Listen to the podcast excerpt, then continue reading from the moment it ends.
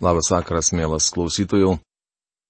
Šiandien mes toliau keliaujame Biblijos puslapiais ir toliau esame Naujajame testamente pirmame laiške korintiečiams. Praėjusioje mūsų laidoje mes pradėjome nagrinėti septintąjį skyrių, kurio tema yra santuoka. Mes su jumis apžvelgėme pirmąją eilutę.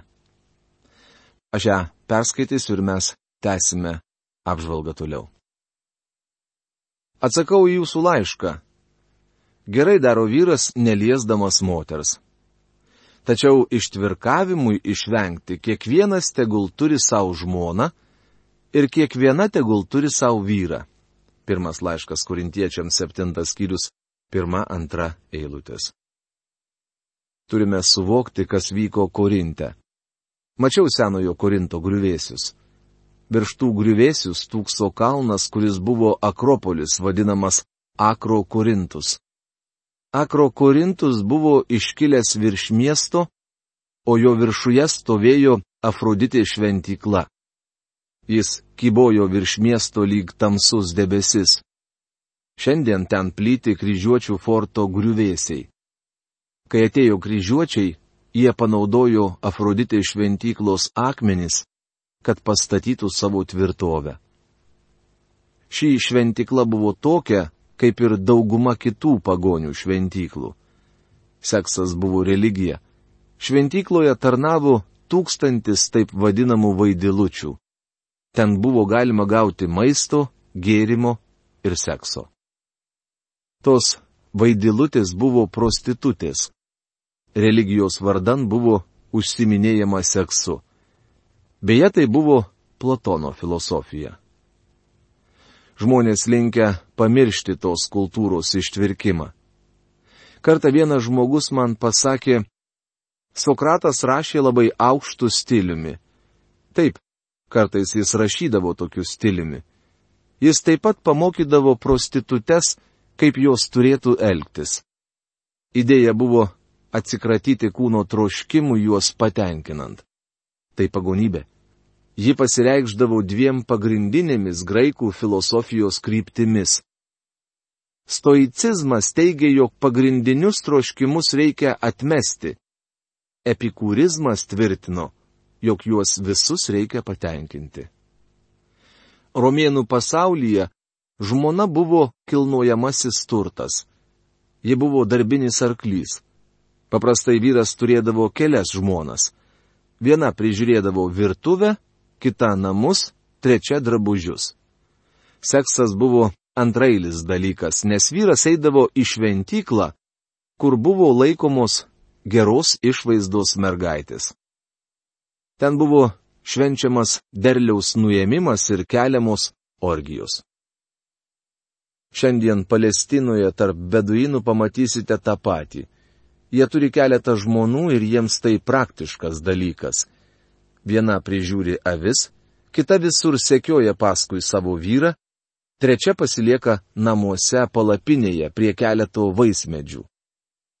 Manoma, jog reikia mažiausiai trijų žmonių.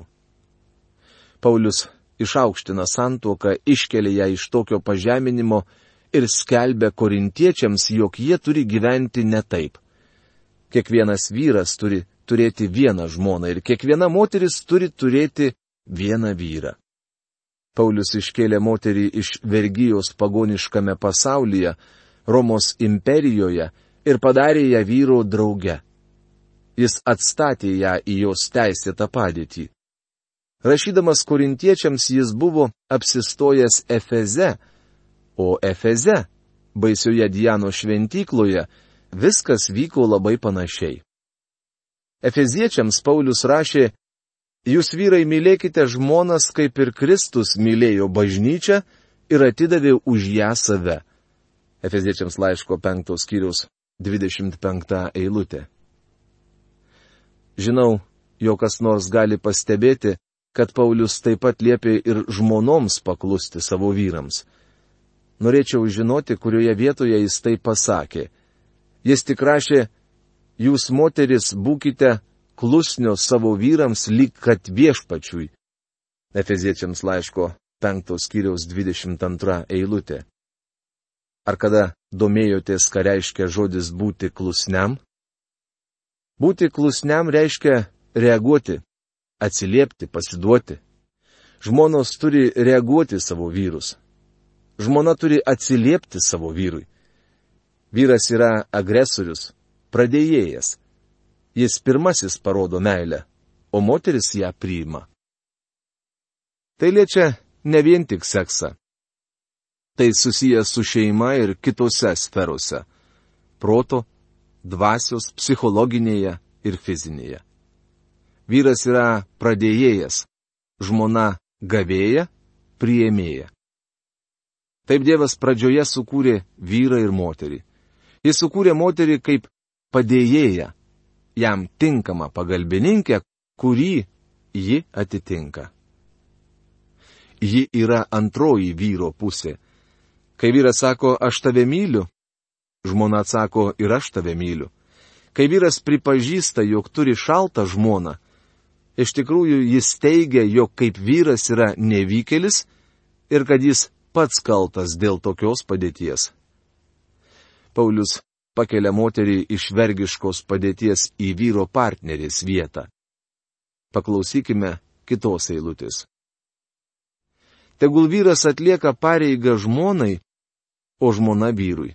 Pirmas laiškas korintiečiams, septintas skyrius, trečia eilutė. Ji turi atsiliepti tuo pačiu. Jis turi jai sakyti, jog ją myli. Žmona neturi valios savo kūnui, bet vyras. Panašiai ir vyras neturi valios savo kūnui, bet žmona. Pirmas laiškas korintiečiams, septintas skyrius ketvirta eilutė. Vyras neturi bėgti į Afroditę šventyklą. Tai nuodėmi. Meilė ir seksas turi pasilikti namuose. Kaip tik tai Paulius čia įrašo. Vienintelis santuokos motyvas yra meilė. Ne seksas, bet meilė. Esu įsitikinęs, kad Paulius buvo patyręs geros ir puikios moters meilę tiek daug didžių šventojo rašto vyrų patyrė moters meilę. Adomas ir Jėva, Jokūbas ir Achelė, Boazas ir Rūta, Dovydas ir Abigailė. Kaip tik Abigailė pasakė Dovydui, mano viešpaties gyvybė bus įrišta į gyvųjų ryšulėlį viešpaties tavo Dievo globoje. Rašoma Samuelio pirmoje knygoje 25 skyriuje 29 eilutėje. Sakoma, kad kai Džonas Veslis atvyko į Ameriką, jis buvo neišgelbėtas žmogus. Jis rašė, atvykau į šią šalį atversti indienų. Tačiau kas atvers Džoną Veslį? Pasakojama, jog karalius pasiuntė į Ameriką lėkštą didiką. Pagal baisų tų laikų paprotį, aukštuomenė turėjo teisę vesti gražiausias moteris, ir tas didikas vedė pribloškiančio grožio merginą, kuri buvo stipri asmenybė ir iškili krikščionė. Tuomet į jų koloniją atvyko jaunas karštas misionierius. Jėdu įsimylėjo. Tačiau jį pasakė, ne, Džonai, Dievas pašaukė tave atgal į Angliją, kad tu dėl jo atliktum didelį tarnavimą. Būtent ji pasiuntė Džoną Veslį atgal į Angliją, kad jis susižadėtų su metodistų bažnyčia. Anglijoje Veslis atsivertė, o ji buvo jo įkvėpėja. Už kiekvieno didelio vyro stovi didi moteris. Paulius tęsė pamokymus, kaip elgtis santokoje. Nesitraukite vienas nuo kito nebent kuriam laikui sutarę, kad atsidėtumėte maldai, paskui vėl sueikite draugin, kad šietonas negundytų jūsų nesusilaikimu. Žinoma, aš tai sakau leisdamas, o ne įsakydamas. Pirmas laiškas korintiečiams septintas skyrius, penkta šešta eilutės. Jis tvirtina, jog tai neįsakymas, o patarimas, kad šietonas neturėtų galimybės sugundyti kurio nors sutuoktinio. Aš norėčiau, kad visi žmonės būtų tokie kaip aš. Bet kiekvienas turi iš Dievo savo dovaną. Vienas šiokia, kitas anokia. Pirmas laiškas korintiečiams, 7 skyrius 7 eilutė. Tuo metu Paulius žmonos neturėjo. Jis nevedė antrą kartą. Jis neimdavo žmonos kartu su savimi į keliones. Viešpaties darbe yra žmonių, kurie neturi šeimos. Jie pasiaukojo, kai kurie keletui metų, kai kurie visam gyvenimui. Ar pamenate, ką kalbėjo viešpats Jėzus? Juk yra eunuchų, kurie gimė tokie iš motinos iššių. Yra eunuchų, kuriuos tokius padarė žmonės. Ir yra eunuchų, kurie patys save tokius padarė dėl dangaus karalystės. Mato Evangelijos 19 skyrius 12 eilutė. Kai pradėjau tarnauti, mėginau imituoti vengungi. Maniau, jog tai pati laimingiausia būsena, tačiau greitai supratau, jog ji ne man. Aš norėjau turėti žmoną. Paulius sako, jog tai gerai. Kiekvienas turi Dievo duotą dovaną. Nesusitokusiems ir našlėms aš sakau, jie gerai padarys, pasilikdami tokie kaip aš. Bet jei negali susilaikyti, tegul tuokėsi. Verčiau tuoktis, negu degti. Pirmas laiškas Korintiečiams 7 skyrius 8-9 eilutės. Verčiau tuoktis, negu degti aistra. Įsakymas susituokusiems. Susituokusiems įsakau ne aš, bet viešpats, kad žmona nesiskirtų nuo vyro, o jeigu atsiskirtų, kad liktų netekėjusi arba susitaikintų su vyru. Taip pat ir vyras tegul nepalieka žmonos. Pirmas laiškas korintiečiams 7 skyrius 10-11 eilutės. Tai įsakymas. Paulius jį išdėsto labai aiškiai. Žmona neturi palikti vyro, o vyras neturi palikti savo žmonos. Jei vienas arba kitas ketina atsiskirti, tuomet jie turi likti nesusituokę. Taigi Korintė pasireiškė dar viena nauja problema. Po to, kai pas juos atvykęs Paulius pamokslavo Evangeliją, atsitikdavo taip, kad vyras šeimoje priimdavo Kristų, o žmona ne. Kitoje šeimoje galbūt žmona priimdavo Kristų, o vyras ne. Kaipgi tikintieji turėjo elgtis tokiomis aplinkybėmis? Kitiems sakau aš ne viešpats, Jei kuris brolis turi netikinčią žmoną ir jį sutinka gyventi su juo, tegul jos nepalieka. Taip pat ir moteris turinti netikinti vyrą, kuris sutinka su ją gyventi, tegul jo nepalieka. Mat netikintis vyras pašventinamas per žmoną, o netikinti žmona pašventinama per tikintį vyrą. Antraip jūsų vaikai būtų netiri, o dabar jie šventi. Pirmas laiškas, Korintiečiams septintas skyrius 12-14 eilutės. Jei kas būdavo susituokęs su neišgelbėtų vyru ar netikinčia moterimi, o šeimoje būdavo vaikų, Paulius siūlė jiems ir toliau gyventi kartu. Jis rašė, jei tik galite, pasilikite šeimoje. Bet jei netikintis nori skirtis, tegul atsiskiria. Tokiais atvejais brolis ar sesuo nėra susijęti, nes Dievas yra mus pašaukęs santaikai. Pirmas laiškas korintiečiams, septintas skyrius, penkiolikta eilutė. Jei netikintis nori išsiskirti, tai jau visai kitas reikalas. Tuomet tikintysis tampa laisvas. Iškyla klausimas, ar jis gali dar kartą tuoktis. Manau, jog tam tikromis aplinkybėmis Paulius būtų tai leidęs.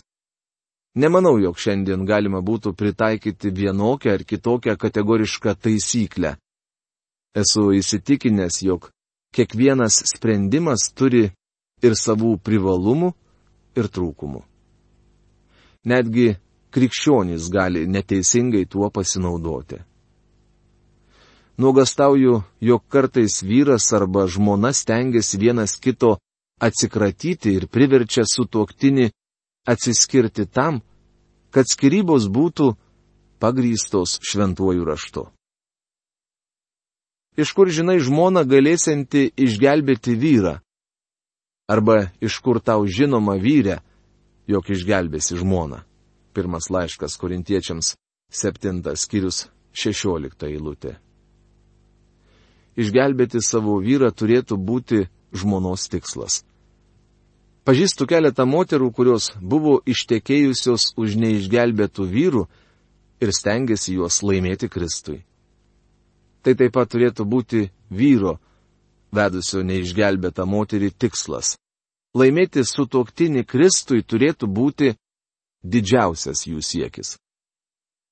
Todėl kaip viešpats, kuriam paskyrė, kokį dievas, kurį pašaukė, to jis ir toliau tesilaiko. Taip aš mokau visose bažnyčiose. Pirmas laiškas korintiečiams septintas skyrius, septyniolikta eilutė. Paulius patarė žmonėms pasilikti toje padėtyje, kurioje jie yra. Išgirdę ir priėmę Evangeliją, jie neturi nutraukti santuokos. Jei tik netikintis partneris sutinka, jie turi pasilikti santuokoje. Tai atsakymas į šiandienos klausimą. Deja, kai kurie tarnautojai ir evangelistai patarė išsiskyrusiems ir dar kartą sukūrusiems šeimą žmonėms, kurie įtikėjo Kristų, grįžti pas savo pirmąjį partnerį. Leiskite pasakyti, jog tragiškesnis patarimas nei į galvą neteitų pažįstu moterį, kuri galiausiai atsidūrė psichiatrinėje ligoninėje, nes paklausė vieno evangelisto patarimo, kuris liepė jai palikti antrąjį vyrą bei mielus krikščioniškus namus ir grįžti pas girtuoklį, su kuriuo ji buvo išsiskyrusi. Iki kokio kvailumo galima nusiristi. Mes turime suprasti, apie ką Paulius kalba. Kas nors buvo pašauktas tikėti apipjaustytas? Tegu nesistengia nuslėpti apipjaustimo. Buvo pašauktas neapipjaustytas? Tegu nedaro apipjaustimo. Juk apipjaustimas yra niekas ir neapipjaustimas niekas. Tik tai Dievo įsakymų laikymasis viskas. Tegul kiekvienas pasilieka toksai, koks buvo pašauktas. Pirmas laiškas korintiečiams 7 skyrius 18 20 eilutės. Paulius plačiau paaiškina, kaip pritaikyti šį principą. Jis tinka ir kitiems mūsų gyvenimo santykiams. Pavyzdžiui, jei tuo metu, kai atsiverti esi apipjaustytas, tai yra, jei esi izraelitas, nesisteng tapti pagonimi, o jei esi pagonis, nesisteng tapti izraelitu. Apipjaustimas ar neapipjaustimas nebeturi jokios reikšmės. Svarbu paklusnumas Kristui. Izraelitas ir pagonis yra viena Kristuje. Visa esmė pasilikti ten, kur ir buvai iki tol, kai priemiai Kristų. Pažįstu daug verslininkų, kurie po atsivertimo prisijungdavo prie kokios nors krikščioniškos organizacijos ir netrukus po to ateidavo pas mane pasakyti, jog ketina mesti verslą ir visą laiką skirti krikščioniškai veiklai. Mano draugė, jei esi sėkmingas verslininkas, galbūt Dievas tau davė dovaną tarnauti kaip tik šioje sferoje. Gal jis visai nenori, kad tu viską mestum ir taptum etatiniu tarnautoju krikščionių bažnyčioje. Paklausykime, ko moko Paulius. Jei buvai pašauktas būdamas vergas, nesisieluk. Bet jei ir negali tapti laisvas, verčiau pasinaudok Viešpatyje pašauktas tikėti vergas yra viešpaties išlaisvintasis. Panašiai ir pašauktas tikėti laisvasis yra Kristaus vergas. Pirmas laiškas korintiečiams 7 skyrius 21-22 eilutės. Tais laikais būdavo vergai ir laisvieji. Jei žmogus būdavo vergas arba tarnas, jis neturėjo stengtis pakeisti savo padėties manydamas, jog Dievas nori, kad jis išsilaisvintų iš savo šeimininko. Šiandien sutinku daug namų šeimininkių, kurioms šauna mintis, jog jos turi tapti didžiosiomis Biblijos mokytojomis. Jas taip užvaldo toji mintis, kad apleidžia savo šeimas. Nepamiršiu istorijos, kurią išgirdau apie velionį Gypsy Smithą. Dalase, Teksaso valstijoje, prie jo priejo moteris ir pareiškė, Džipsis mitai, Jaučiu, jog esu pašaukta į tarnavimą. Jis uždavė jai labai tinkamą klausimą. Jis visuomet taip darydavo. Ar jūs ištekėjusi? Jie atsakė, jog taip. Kiek turite vaikų? Jie atsakė, jog penkis. Tuomet jis tarė, nuostabu. Dievas pašaukė jūs į tarnavimą ir jau davė auditoriją. Jūs brangiai nupirkti. Nepasidarykite žmonių vergais. Pirmas laiškas korintiečiams, septintas skyrius, 23 eilutė. Jūs esate atpirkti Jėzaus Kristaus krauju, todėl netapkite niekieno vergu. Argi tai neskamba prieštaringai? Paaiškinsiu tai plačiau duodamas pavyzdį. Klausydamasi mūsų radio laidų, atsivertė kokteilių baro padavėja. Jai buvo visiškai nauja viskas, kas susijęs su Biblija. Ji manęs paklausė, ar neturėtų mesti padavėjos darbo kokteilių bare, nes jautė, jog tas darbas jai nelabai pritinka. Atsakiau, jog tai jos reikalas ir paaiškinau, tu turi nuspręsti pati. Jei esi tvirtai įsitikinusi, gali mesti šį darbą. O jei nori sužinoti mano asmeninę nuomonę, tai tikrai turėtum jo atsisakyti. Tačiau nesielg taip vien dėl to, kad aš tai pasakiau. Mesk šį darbą tik tuo met, jei pati taip nuspręsi. Ji išėjo iš savo darbo ir po poros savaičių susirado kitą. Ji brangiai nupirkta, todėl neturi tapti žmogaus vergu. Kiekvienas jūsų, broliai, koksai buvo pašauktas, toks ir te pasilieka prieš Dievą. Pirmas laiškas korintiečiams septintas skyrius 24 eilutė. Svarbu tai suvokti. Kai žmogus atsiverčia, kad ir ką jis darytų, kad ir kur būtų, jis turi pasilikti toje pat vietoje, kol tik gali netrukdomai bendrauti su Dievu. Dievas turi būti pirmoje vietoje. Toks ir te pasilieka prieš Dievą. Jei žmogaus padėtis neleidžia Dievui užimti svarbiausios vietos, tuomet jis turėtų pakeisti tą padėtį taip, kaip padarė kokteilių baro padavėja. Kita mūsų laidą pradėsime nuo apžvalgos apie santokinio amžiaus dukteris. O šiandien savo laidą baigiame. Iki malonaus susitikimo. Sudė.